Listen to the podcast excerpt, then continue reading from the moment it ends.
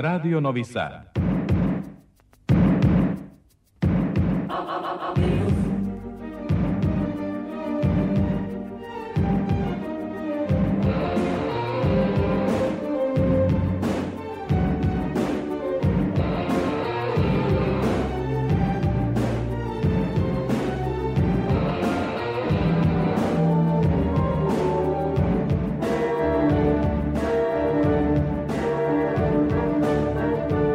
Spektar.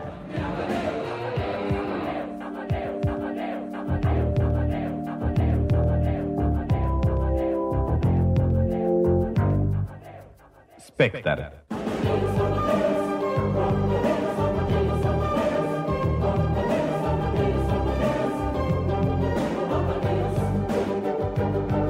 Dragi slušaoci, dobroveče. Ja sam Ivana Maletin Ćorilić i želim vam dobrodošlicu u Spektar, magazin za kulturu Radio Novog Sada.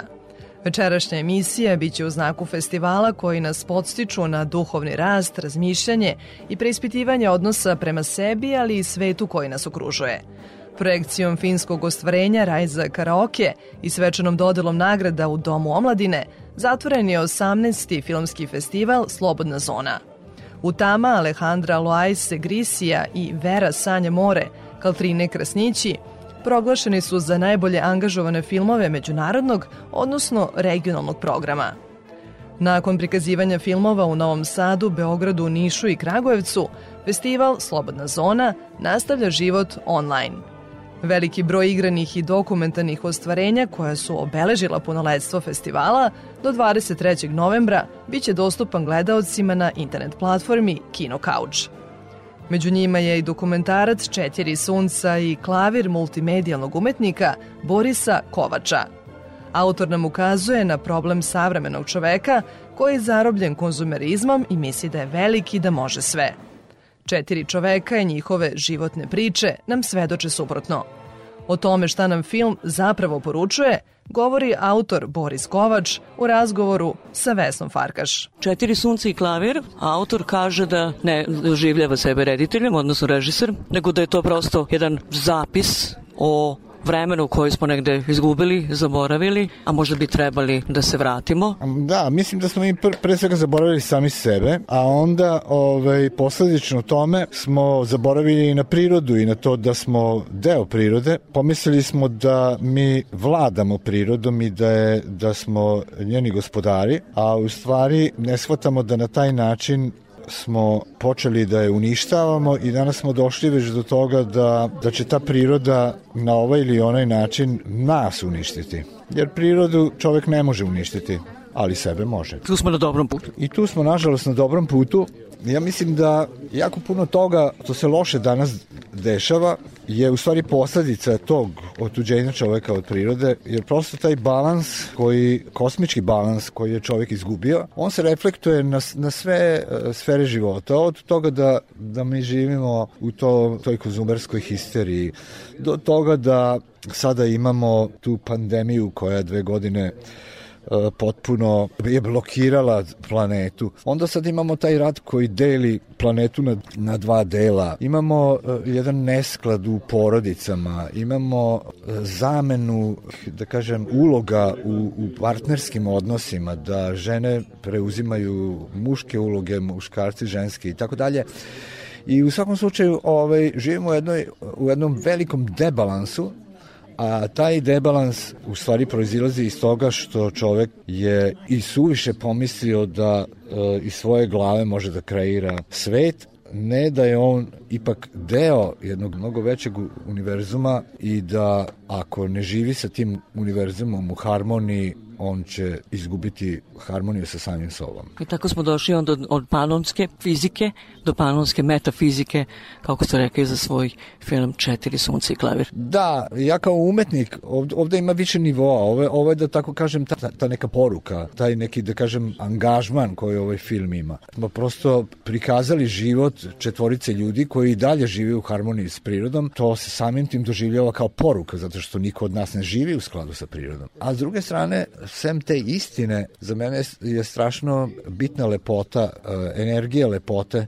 U stvari, e, ta likovnost e, koju smo mi tamo otkrili u životu tih ljudi i prirode u, kojoj se oni nalaze kroz četiri godišnja doba je nešto što je toliko fascinantno da, da je nas ponelo i mi smo proveli tamo jako puno vremena tražeći te što likovnije kadrove, ne bili ono što smo mi videli, zabeležili i omogućili da, da vide i drugi. Film na neki način je susret između te prirode i tih protagonista. I s druge strane nekakve moje uh, umetničke poetike, vizije, onoga što sam u stvari ja iniciran tim iskustvom poželeo da vratim filmu. Zato se film uh, koji je o tim protagonistima završava koncertom koji sam ja napisao i izvodim ih za njih.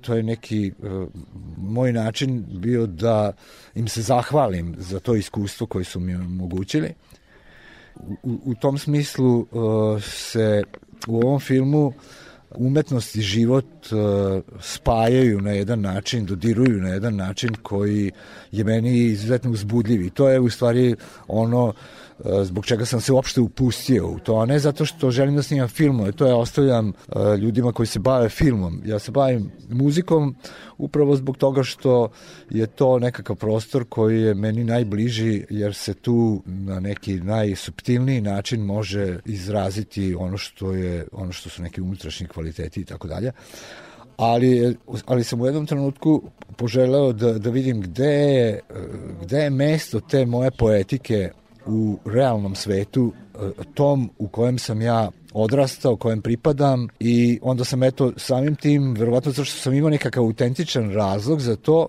imao tu sreću da, nađem, da naiđem na autentične ljude koji su zaista poslednji primjeri nativnog načina života u Vojvodini i da mi oni poveruju i da zaista daju sve od sebe da mi snimimo njihove živote, bez obzira što je bilo teško i zahtevalo neka, nekakva odricanja, snimanje nam je donelo veliko uživanje i ispunjenje. I light a candle to our love. In love, our problems disappear. But all in all, we soon discover that one and one is all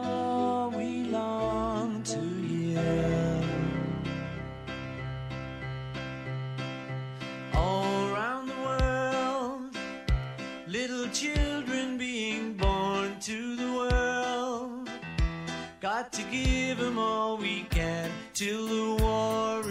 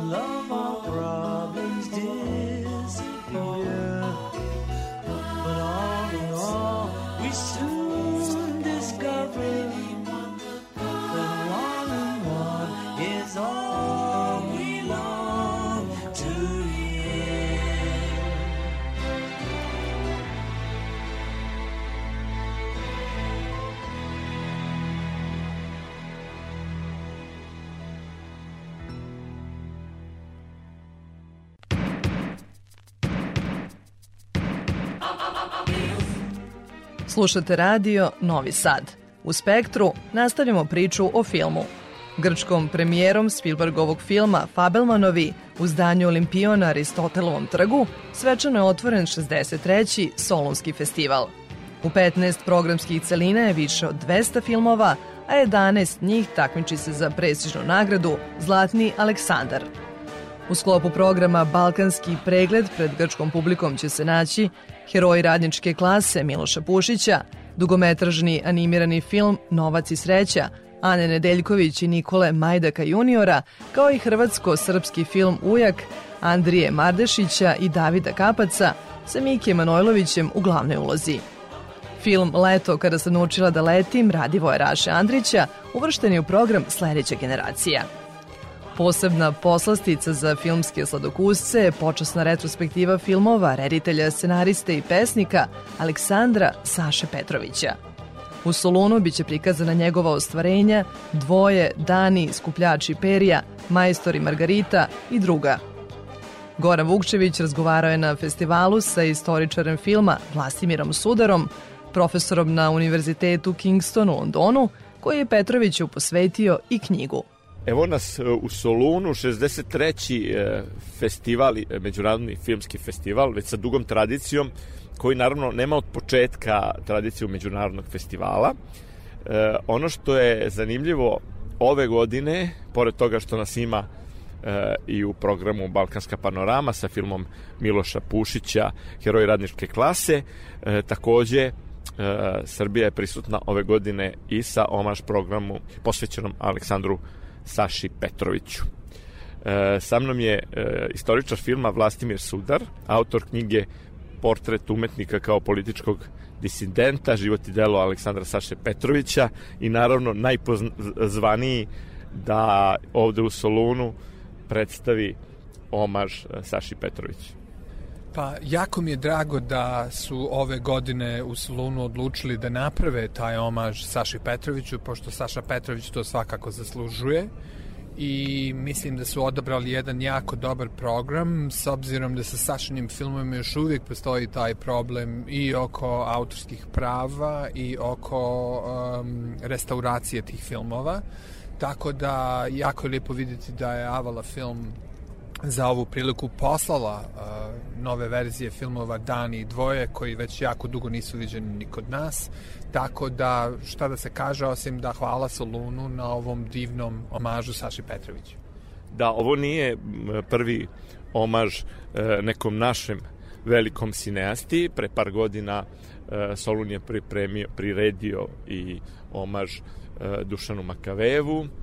Bilo nas i u još nekim kombinovanim programima e, ono što je zanimljivo, e, jedno vreme ovde je bilo pravilo da omaže imaju isključivo živi autori, E, tako da su mnogi velikani prošli ovde sa život, za života, mnogi velikani svetskog filma, e, koje sam imao prilike da upoznam, a e, što se tiče naših, recimo moje iskustva su počela e, sa konferencijom za štampu Žike Pavlovića, 96. ili 97. godine, e, potom imali smo i Điđu Karanovića, E, na moju inicijativu je Žilnik bio ovde i, i zaista ovde publika, e, kako da kažem, mislim posebna i u odnosu na mnoge druge festivale.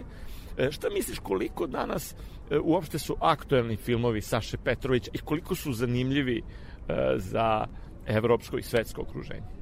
Ja lično mislim da su i dalje jako, jako interesantni, zato što uh, filmovi kao i sva umjetnička dela na kraju krajeva funkcionišu uvijek na više nivoa. I različite stvari u njima privlače različite generacije, različite publike i ono jel, veliko umjetničko djelo živi jako dugo upravo zato što dobro komunicira na raznim nivoima. Neke stvari koje su ostale vezane za Sašu Petrovića je kao i sa, evo, upravo smo predstavili film 3, e, koji naravno, nažalost, to je tragično, je ratni film koji je dalje aktuelan i prikazuje rat u svojoj nekoj najbolnijoj tačci u kojoj moral kod ljudi i oni koji učestvuju i oni koji ne učestvuju u ratu potpuno erodira pod pritiskom tih, ako možemo tako da kažemo, nenormalnih uslova. Tako da film i praktično je potpuno puna sala bila, dakle i dalje komunicira i dan danas. Sa druge strane, pogledajte skupljače perja to će uvijek ostati prvi film koji je prikazao romsku kulturu na jedan drugačiji način od one romantične predstave romske kulture koja je do tad prevladavala u kompletnoj evropskoj uh, kulturi. Prilično kiči je Pa, tačno tako, ali to je, to je bila neka vrsta dodira sa nečim što se do tada nije prikazivalo i došlo je na taj nivo da 1971. godine, kada je bio Međunarodni kongres Roma u Londonu u Velikoj Britaniji, film je prikazan, ne samo to, nego zbog filma je Dželem Dželem poslala Međunarodna himna Roma. Tako da šta god da se desilo, ti neki kvaliteti Petrovićevih filmova ne samo da ostaju, nego i dalje intrigiraju ljude da ponovo to požele da pogledaju, da vide zašto je to bilo značajno. Tako da ja verujem da Saša ostaje sa nama i samo još brzo da dodam Majstor i Margarita kad su pretvoreni u film, uh, kompletan tekst tog romana još uvijek nije bio dostupan u Sovjetskom savezu. Tako da, da Saša je radio stvari koje su stvarno bile ispred svoga vremena. Tako je i zahvaljujući E, filmu Škupljači perja krenula je i internacionalna karijera Bekima Fehmiua i Olivera Vučo, Katarina kasnije. Pa gledajte, Skupljači perja su stvarno bili revolucionaran film. Ja uvijek spomenem samo jednu statistiku. On je imao u Parizu tada 200.000 gledalaca. I sad razmislite samo koliko je filmova sa naših prostora imalo tako nešto. E, film je e, na jedan način stvorio jednu viziju balkanske kulture koja je ostala kontroverzna i interesantno je da je u to vrijeme bilo jako puno negodovanja oko filma čak je neka francuska turistička agencija imala poznatu i popularnu turu koja se zvala Tragom skupljača perja. Međutim, oni naravno ljude nisu vodili u Temerin da vide um, razno razna geta ili naselja, već su vodili ljude u Dubrovniku, Mostar, u Split i e, zamislite tada u Hrvatskoj došlo do jednog animoziteta prema Saši zato što je e, navodno predstavio cijelu zemlju tako. Međutim, naravno iz ove perspektive mi vidimo da je to bilo jedno vrlo parohijalno, jedno provincijalno viđenje kulture, već zapravo je bilo vrlo bitno da je film bio ambasador naše kulture u svijetu.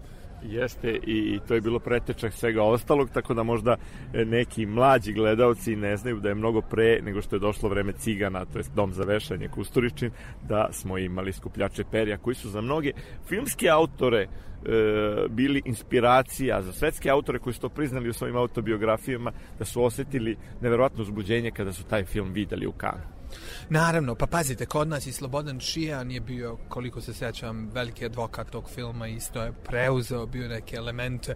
Međutim, um, film je bio strašno popularno u to je isto tako redak uh, naš film koji je imao distribuciju, pazite, u preko stotinu zemalja i jako je puno gledan bio je vrlo značajan za karijeru isto tako Olivere Katarine i tu je krenulo nešto što se danas zove balkanski šik ovaj, tako da u, u, na jedan način stvorilo je kulturu. E sad, sa filmom je to uvijek uh, pomalo osjetljivo. Vi ako pogledate, na primjer, možda je najbolji primjer Pedro Almodovar i Madrid. Za mnoge ljude Pedro Almodovar je stvorio jednu sliku Madrida koja prevladava u svijetu. I kad pričate sa ljudima koji iz Madrida, oni se nekad pobune, pa kao nije Madrid, to, to su njegovi filmovi. Međutim, naravno, Baudrillard je napravio cijelu filozofiju od toga šta je realno, a šta je zapravo realno u tom svijetu simulacija koju ne samo moderni mediji, već kultura stvara.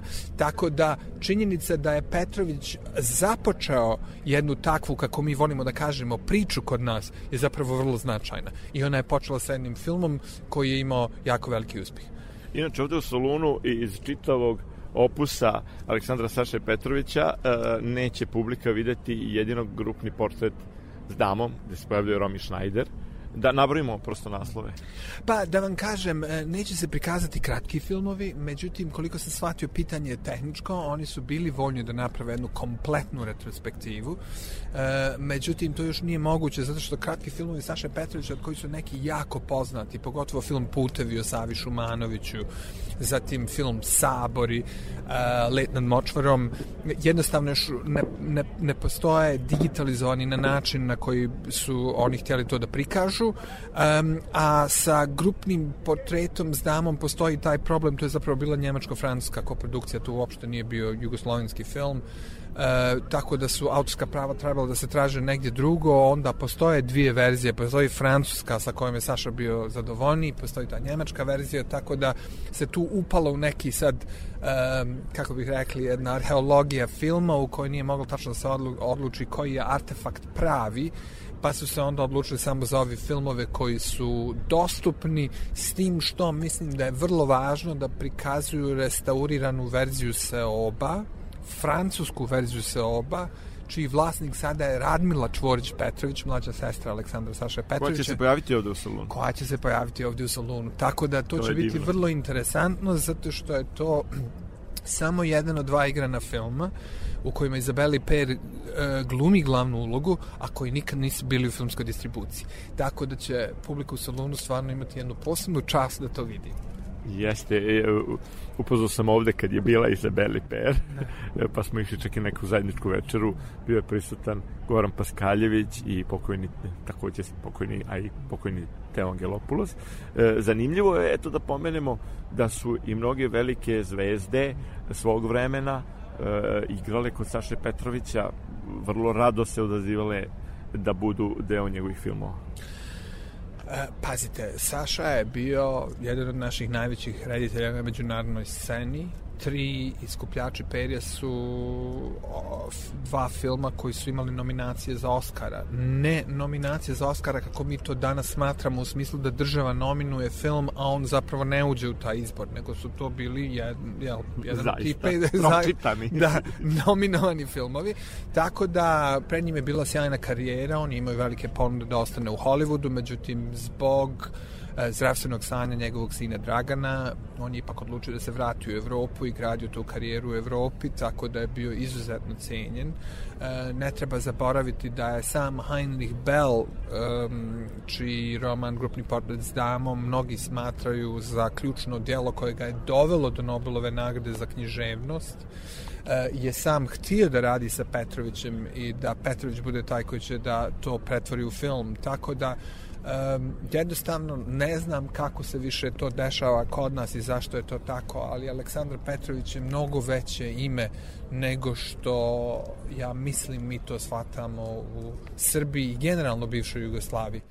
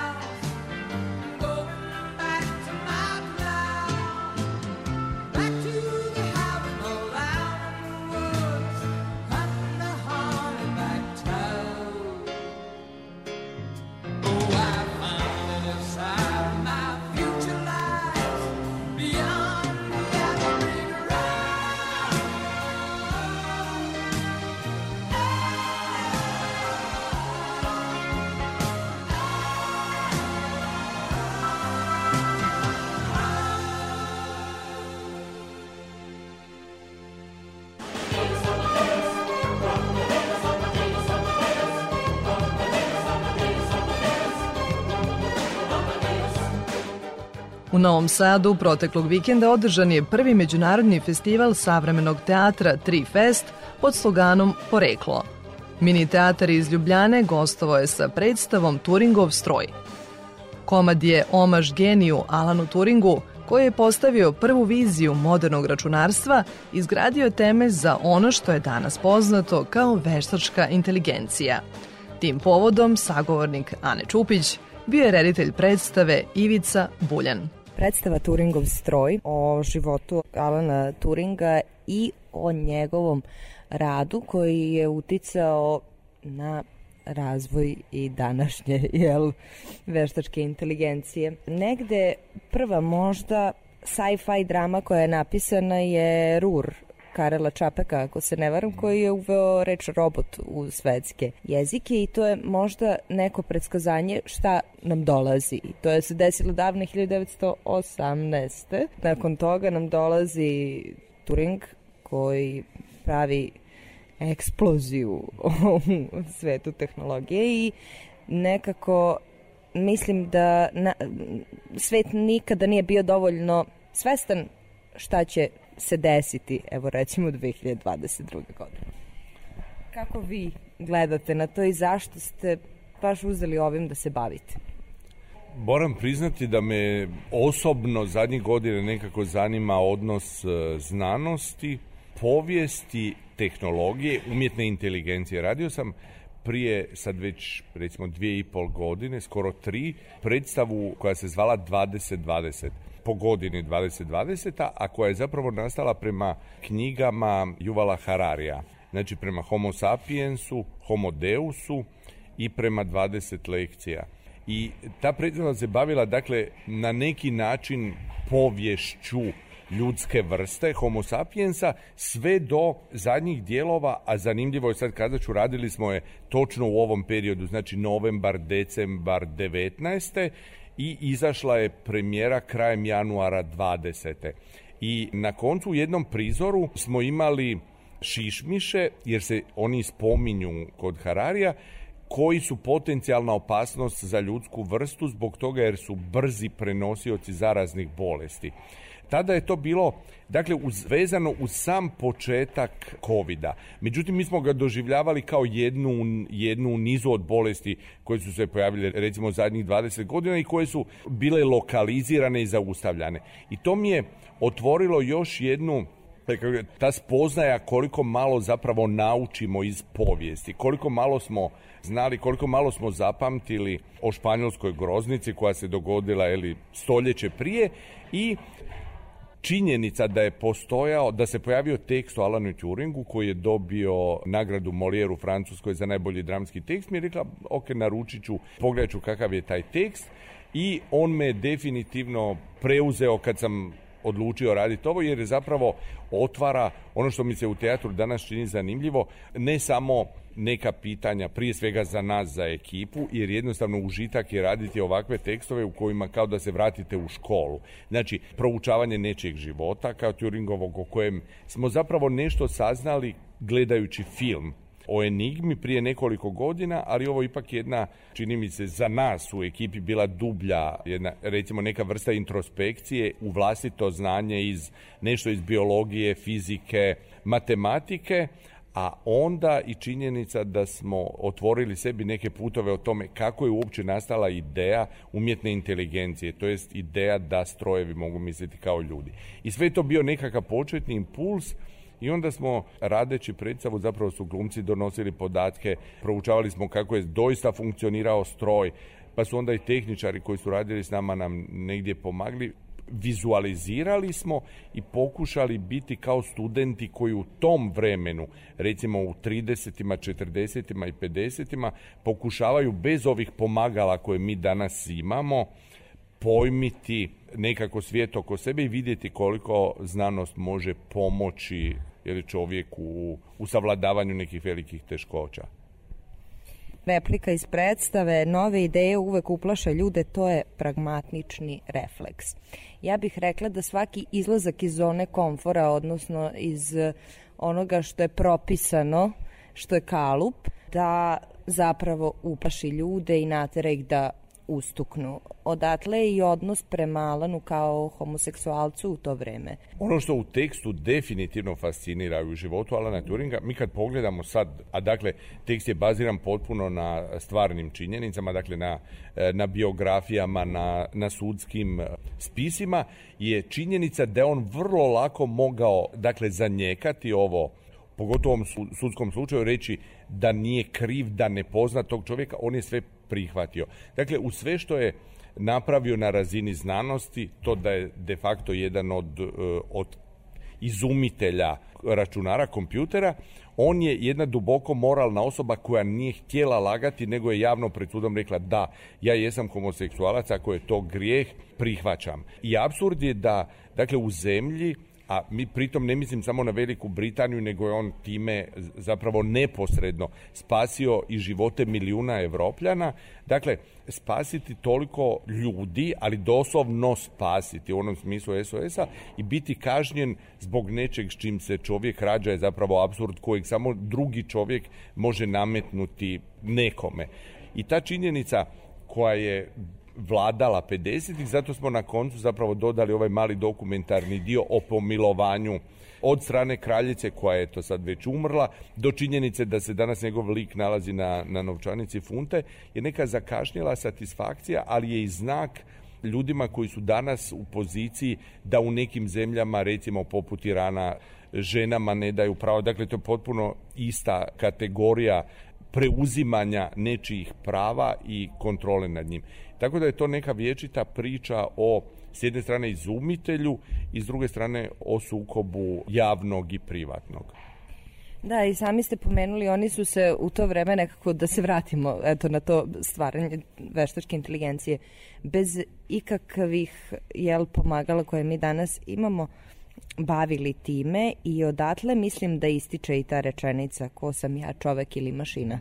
A mislim da ta rečenica ima možda i veze sa nekim samouništenjem, jer mislim da smo došli do te tačke da smo svesni da niko ne može uništiti čoveka kao što čovek može uništiti sam sebe.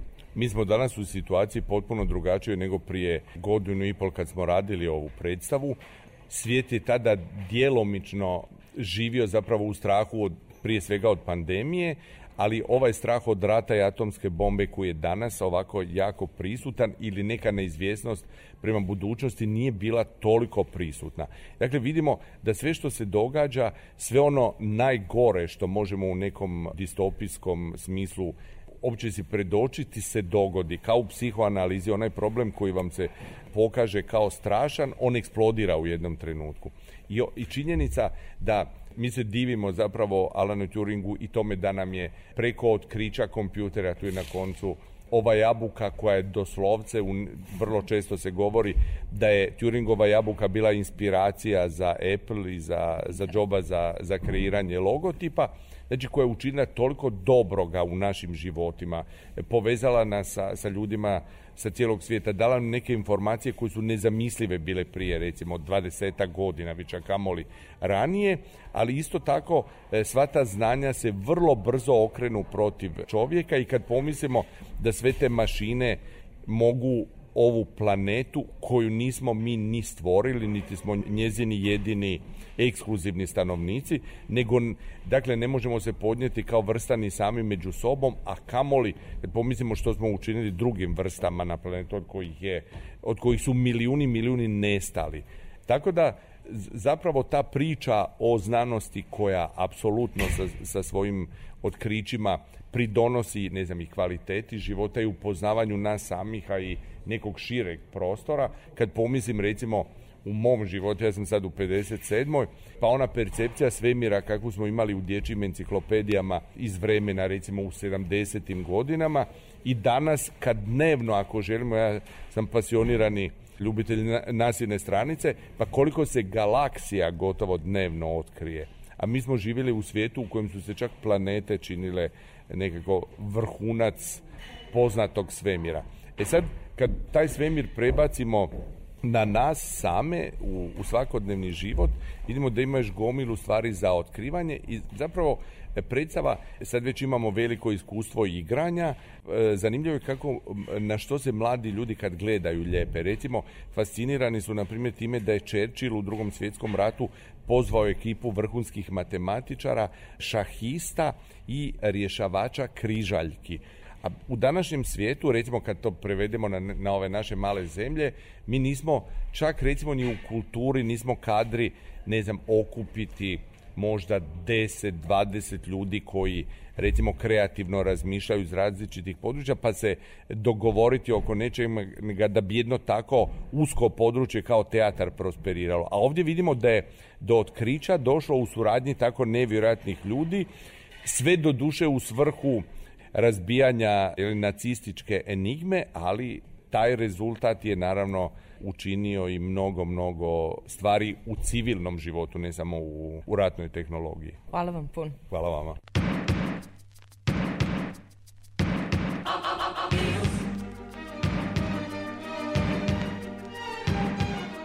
Pratite Spektar, magazin za kulturu Radio Novog Sada. Britanski umetnik Derek Bošir po drugi put je među novosuđanima. Gost je bio prošle godine u kulturnoj stanici Svilara, a juče je u Muzeju grada Novog Sada otvorena izložba njegovih slika i crteža. Bošir je čuveni britanski pop art umetnik, slikar, vajar, multimedijalni artist, čiji su radovi u kolekcijama najpoznatijih svetskih muzeja. Jedan je od likova zajedno s umetnicima poput Davida Hockneya u dokumentarcu Ken Russella Pop na štafelaju iz 1961. godine. Rad na Bowieom albumu Lodger prerastao je u trajno prijateljstvo dvojica umetnika. Novosadsku izložbu priredila je galerija Stewarts.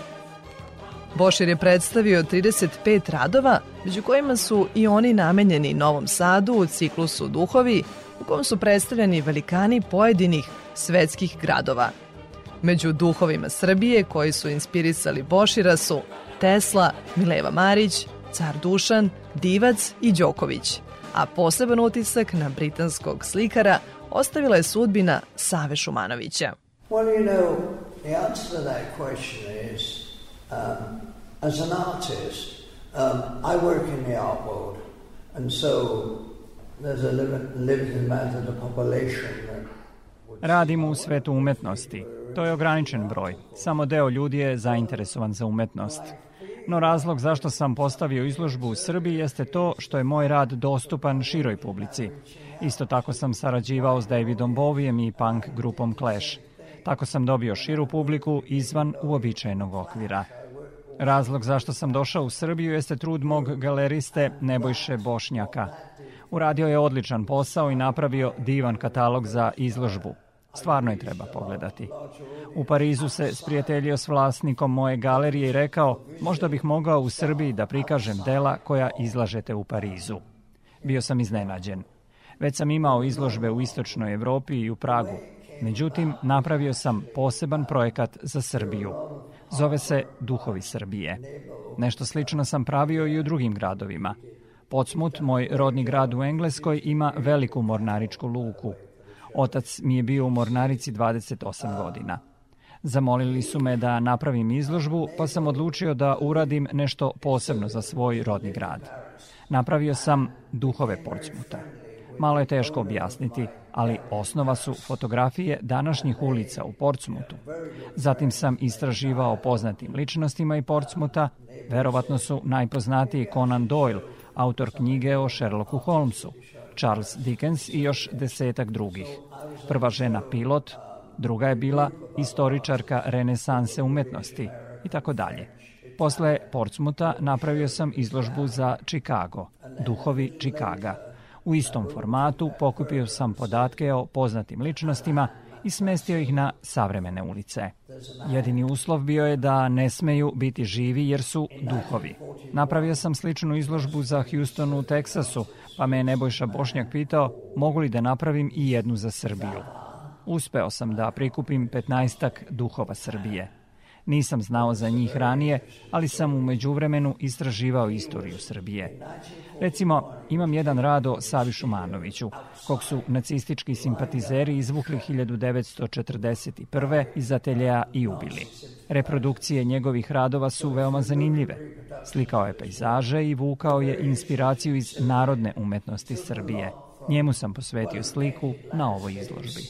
And he took, and he, um, he, took a lot from Serbian folk art. So um, in the exhibition, I've done a painting dedicated to him.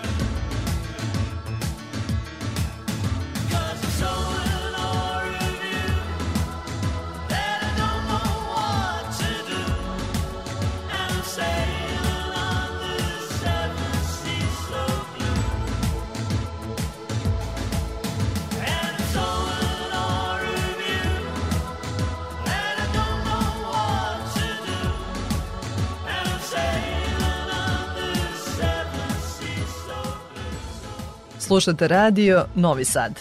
U narednom segmentu emisije Spektar govorimo o književnosti. Prozaista Igor Marojević ove godine objavio je knjigu priča Sve za lepotu. Marojević je i ovogodišnji dobitnik Andrićeve nagrade za najbolju priču. O svemu tome sa njim je razgovarala Tatjana Novčić-Matijević. Knjiga priča ima novih, a ima i onih ranije objavljenih i one sve sada zajedno čine tu jednu celinu koja se sklapa pod... Je li ovo ironičan naslov? To je na čitavcu da odluči, a ja mislim da u nekim pričama sigurno jeste, jer recimo Ante Pavelić e, u priči slikopisanje, on, e, pošto je sebi izgledao lepo u slikopisima, za doba NDH i pošto mu je u, pro, u izgnanstvu nedostajalo tih slikopisa, on je počeo da se eksponira, zaista je dao sve za svoju medijsku lepotu, kao neki fanat uh, selfie kulture. Neki su odabrali neko mesto koje je lepo za samoubistvo, a neki su zbog lepote žrtvovali brak, uh, trenutne lepote možda, a ima postoji priča o beogradskoj porno glumici koja je bilo lepo da, koja se bi najbolje, najlepše izgledala kada je snimala porniće, to je uništilo odnose s porodicom, međutim donelo je život u Budimpešti, kakav takav, naravno ne bi sad pravio spoilere svoje knjizi, uglavnom Naravno, naravno. vrlo je široka lepeza, ako su u pitanju stare priče i- i ako nisu imale koncept lepote, onda ja nisam ih dirao mnogo, a ako nisu imali taj koncept, onda sam ga dodao, što ću reći, nisam želeo da napravim ono the best of najbolje priče jednog autora, nego sam želeo da to bude i knjiga koja može čita kao, ne samo kao the best of po autorovom mišljenju, onoga što je napisao. Prosto je koncept, jel? Da, nego da može čitati kao roman u kojem lepota od e, jedne do druge priče se pojavljuje u najrazličitijim oblicima. Ova knjiga je dobila i Andrićevu nagradu. To je vrlo visoko pozicionirana nagrada za, za prozaiste u srpskoj literaturi i dobro je tablira pisca. Istina, koliko?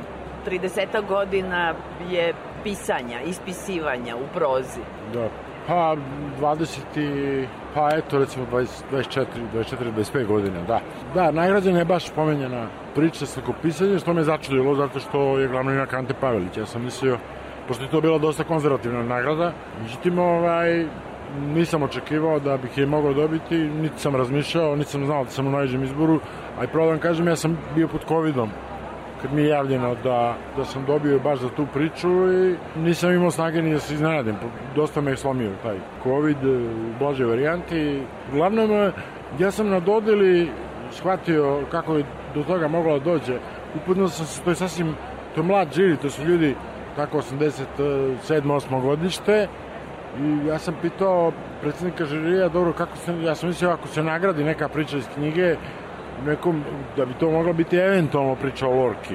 Ali on mi je rekao, pa ne, mi, moja generacija, znači 20 godina mlađe od mene, to možemo, dovoljno smo odmaknuti od, to, od toga, od svega toga, da to možemo da čitamo kao književni tekst, a da nas ideološke implikacije interesuju samo u meri u kojoj se pripovedaš poigrava njima, što za starije čitaoce uglavnom ne bi bio slučaj. Tako da nisam očekivao tu nagradu, ali ne Tako da mogu se da, zapravo- da se ne radujem. Da. Da, tako da se zapravo sad već zaista susrećemo sa novim fenomenom u srpskoj literaturi kada je reč i o čitaocima i kada je reč o ovim profesionalnim čitaocima. Stižu mlađe generacije koje imaju potpuno drugačiji odnos prema tekstu. Jeste, mnogo su savremenije, updatovane su, reference koji, kojima barataju su mnogo, kako kažem, više u duhu vremena nego što je to bio slučaj sa starijom kritikom i mislim, zaista sam prijatno iznenađen. Ja sam ranije primetio da se pojavljuju neki disparatni glasovi dosta mlađih nekih kritičarki.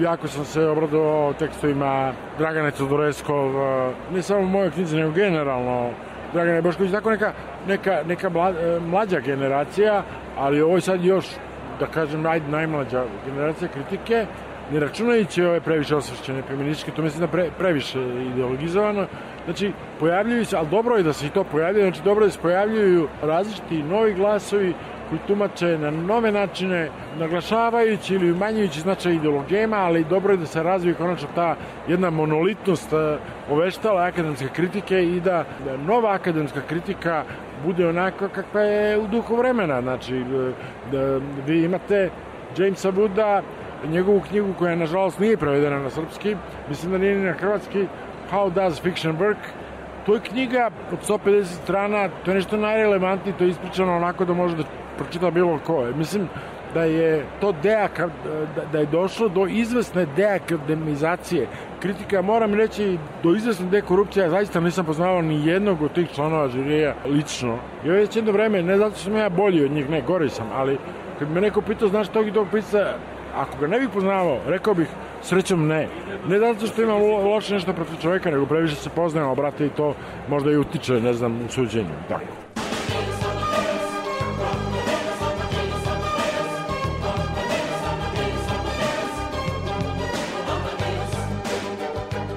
Biografije i ožiljci naziv je knjige eseja Gojka Božovića. U podnaslovu sasvim precizno Danilo Kiš, Borislav Pekić Aleksandar Tišma, trojica velikana srpske književnosti druge polovine 20. veka. Oni su poetički kolosi, etaloni i za sameravanje savremene književne produkcije. Kaže u razgovoru sa Tatjanom Novčić-Matijević, Gojko Božović. To su eseji o knjigama i poetici trojice ključnih pisaca srpske književnosti druge polovine 20. veka, Danilu Kišu, Borislavu Pekiću, Aleksandru Kišmi i u tim tekstovima koji su pisani proteklih 15 pa i više godina, ja sam nastojao da ukažem na neka od pitanja koja mi deluju presudna u njihovoj literaturi.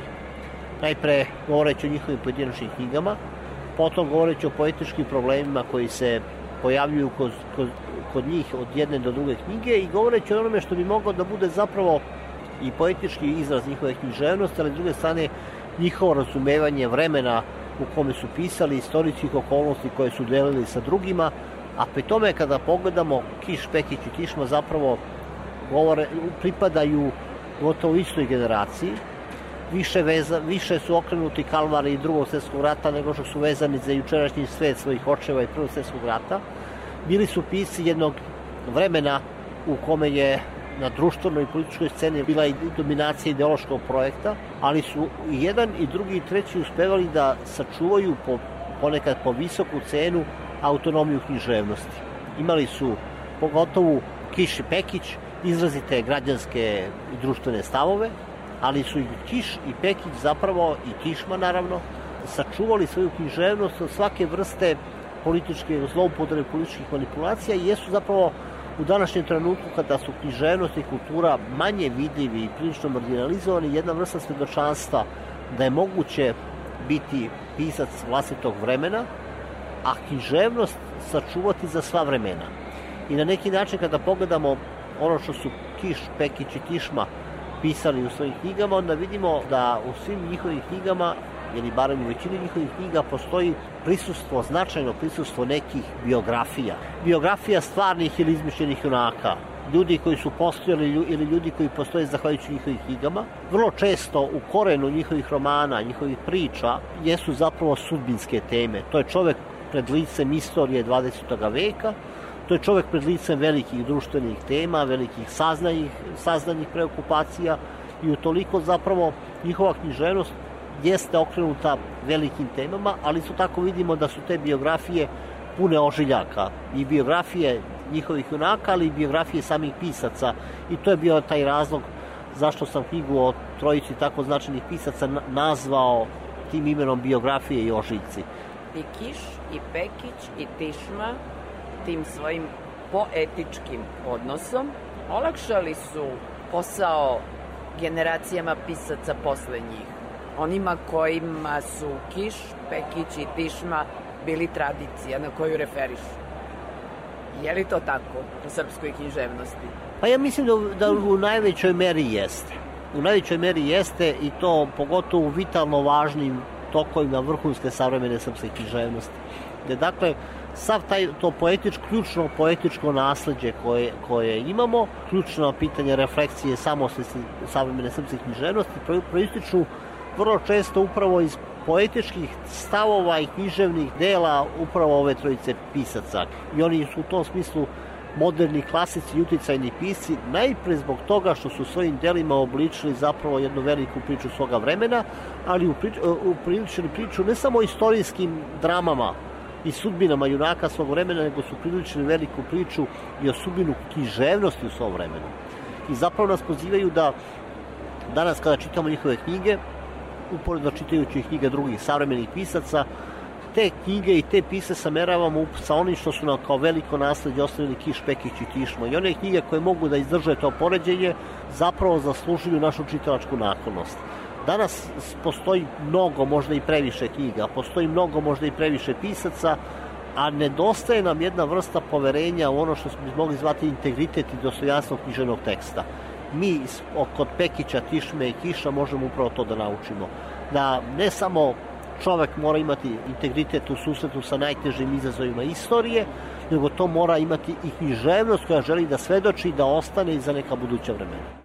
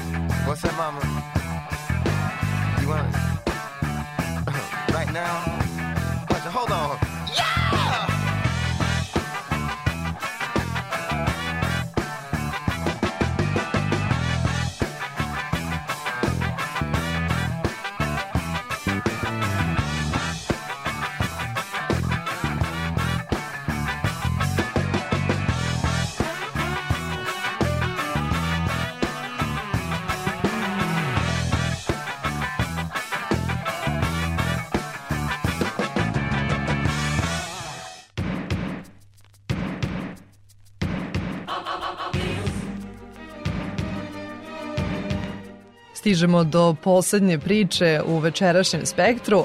Pesnik Jovan Jakšić svoju drugu zbirku poezije u izdanju Kultura Nove naslovio je Pušenje korone, pesme i drugi simptomi nagoveštavajući da su tekstovi u njoj umetnička interpretacija stanja u društvu izazvanog pandemijom. O tankoj granici između stvaralačkog čina i autoterapije sa Jakšićem je razgovarala Isidora Bobić. Vi ste veoma kreativno iskoristili jedan e, krizni socijalni trenutak. U naslovu zbirke Pušenje korone, pesme i drugi simptomi nazvali ste pesmu simptomom. Da li to znači da govorimo o pisanju kao jednoj vrlo neposrednoj, možda što je čak i važnije, neizbežnoj reakciji na društvene promene koje su zadesile čitavo čovečanstvo u toku pandemije? To drugi simptomi zapravo koristi tu ključnu reč simptom koja je u pandemiji bila u prvom planu i negde konotira zapravo sa raznolikošću forme. Dakle, nije samo knjiga pesama, već, ima, već je to jedan dnevnik koji se sastoji od pesama, crteža, kratkih formi teksta, mikro priča, mikro drama, sastoji se još od muzičkih songova, count autorskog sviranja akustičnog panka. To ima odrednicu kao da je pandemija inficirala... I svet umetnosti. Da, moje izražavanje tako da ono ima neke granične forme. To je prvo krenulo sa jednim instrumentalom, da tako kažem, jednim osjećanjem početnim zabrinutosti, straha, tuge, situaciju planete u kojoj, kojoj se nalazimo. Onda sam slao preko Vibera poruke, znači, dakle, te pesme, crteže, krenuo sam da razmenjujem to sa prijateljima, dakle, u Viber grupi, kao što smo u toj situaciji izolacije razmenjivali sa prijateljima, nismo mogli fizički da se sretnemo i komuniciramo, ali smo razmenjivali poruke. E, ja sam sad tu ubrzo počeo da šaljem i te neke moje ove, ovaj, materijale na koje su mi oni pozitivno odgovarali, posticali me da nastavim. To je, dakle, prvobitna produkcija. Oni su mi kao bili neka podržavajuća publika, ako tako mogu da kažem, dakle jedna privatno javna poruka. To je bio jedan period, dakle, jedne radikalne suspenzije, svakodnevnice, svi smo ostali kod kuće, i zapravo je to počelo kao neka moja autoterapija kako da pomognem sebi pa onda da budem bolji drugima. Dakle, ovo je priča kako se u globalnoj krizi jedna ličnost, jedan subjekt e, bori. Ja bih rekla da je vaša poetska borba da, da počiva na jednoj duhovitosti koja proizilazi iz samog jezičkog tkiva, iz e, igra reči, iz polisemije, homonimije, rekla bih da ste na taj način ironični prema celoj situaciji. Uvijek je taj u tim nekim situacijama taj absurd, humor e, važan da bi se ostao mentalno zdrav i stvari. To je moj jedan poetsko-epidemiološki eksperiment gde zapravo sam ja temu pandemije uzeo kao fenomen i onda sam ušao u to na jedan način da mi je to bila neka platforma za igru u svim pravcima. Tu ima, dakle, i pesama i opet kao nekih rad, i radijskih priloga. Dakle, u toj redukciji sadržaja kulturnih nekako spontano i, i sviram i, i, i performiram i, i crtam i koncept generalno je uradi sam i budi sam svoj medij u uslovima infodemije. Znači, cijela situacija postaje platforma, a autor postaje sam svoj medij. Tako je, u toj infodemiji zatrpanošću različitih sadržaja, propagande i tako dalje, ti moraš da nađeš da biraš jedne strane informacije od pouzdanih prijatelja i ne znam, e, medija, izvora, a sa druge strane u nekom kreativnom smislu e, u, u nedostatku mogućnosti, kako kažem, sve to nov fenomen i tako dalje, kao da ti zamišljaš da praviš neke svoje, moraš da nađeš neki svoj svet i svoje svoje e, sadržaje, zamišljeni radio ili zamišljeni sad neki sajt, ali sve to na kraju završilo na, na, na papiru, što mi je i drago, jer nisam mogu da se bavim nekim drugim organizacijom sad da se to stavi na neki YouTube kanal ili tako dalje. Pratio sam samo proces uh, da zabeležim taj svaki trenutak uh, u podeljenosti percepcije na neke svakodnevne stvari i obaveze kome treba šta od lekova dostaviti a o, ovaj drugi deo bio je non stop jedna vožnja uh, ali sad već ja mogu da najavim i drugu knjigu koja treba uskoro da izađe iz štampe kod istog izdavača, e, ispovest kroz masku, pesme i drugi sojevi, koja zapravo zaokružuje čitav projekat. To je poetski paket za preživljavanje pandemije. Sjajno. Dipstih. Deluje da sami tekstovi po ritmu, melodiji i uopšte atmosferi zahtevaju neku vrstu, ne da zahtevaju, ali čovek vas vidi kako ih izvodite, prosto kao neku vrstu performansa, graniče se negde sa repom, sa slam poezijom, mogli bismo i reći da je ovo neka vrsta slam poezije. Da li možemo da čujemo izvođenje neke pesme, onako kako biste vi to uradili na nekom svom performansu? Pesma Endless Desert. Hajde da se nađemo na četu, ovde u Endless Desertu.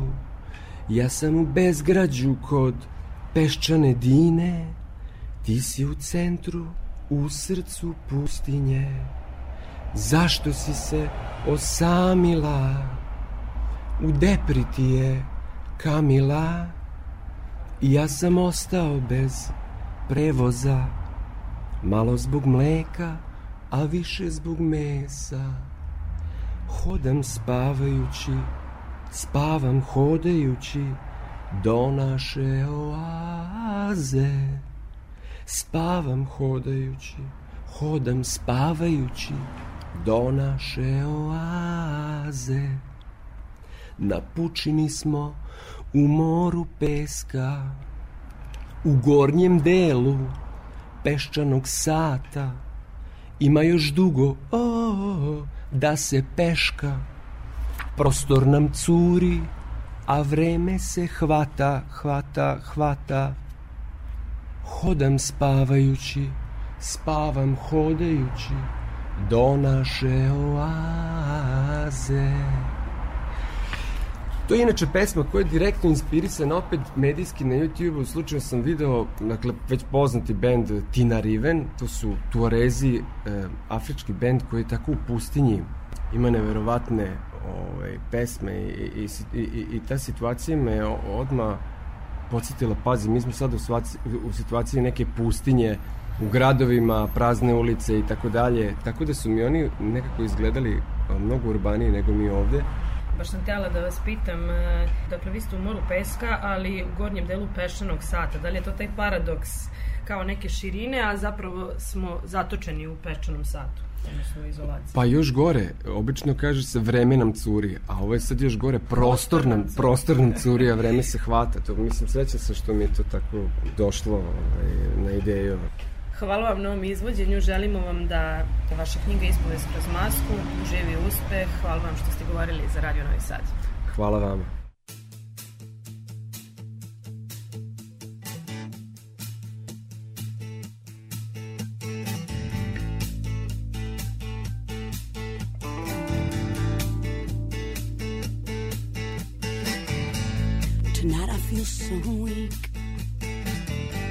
But all in love is fair. I turn the cheek. And I feel the slap and the sting of the foul night air. And I know you're only human. And I haven't got talking room. But tonight, while I'm making excuses, some other woman is making love to you. Somebody siang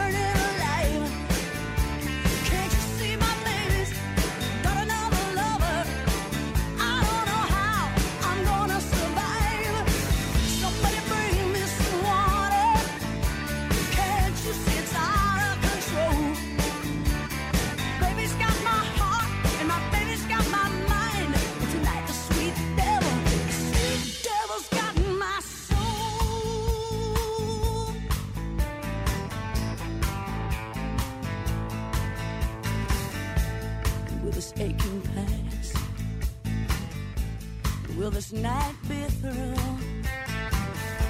Wanna hear the breaking glass? I only feel the steel of the red hot truth, and I'd do anything to get it out of my mind. I need some insanity for that temporary kind. Tell me how will I ever be the same when I know that that woman is whispering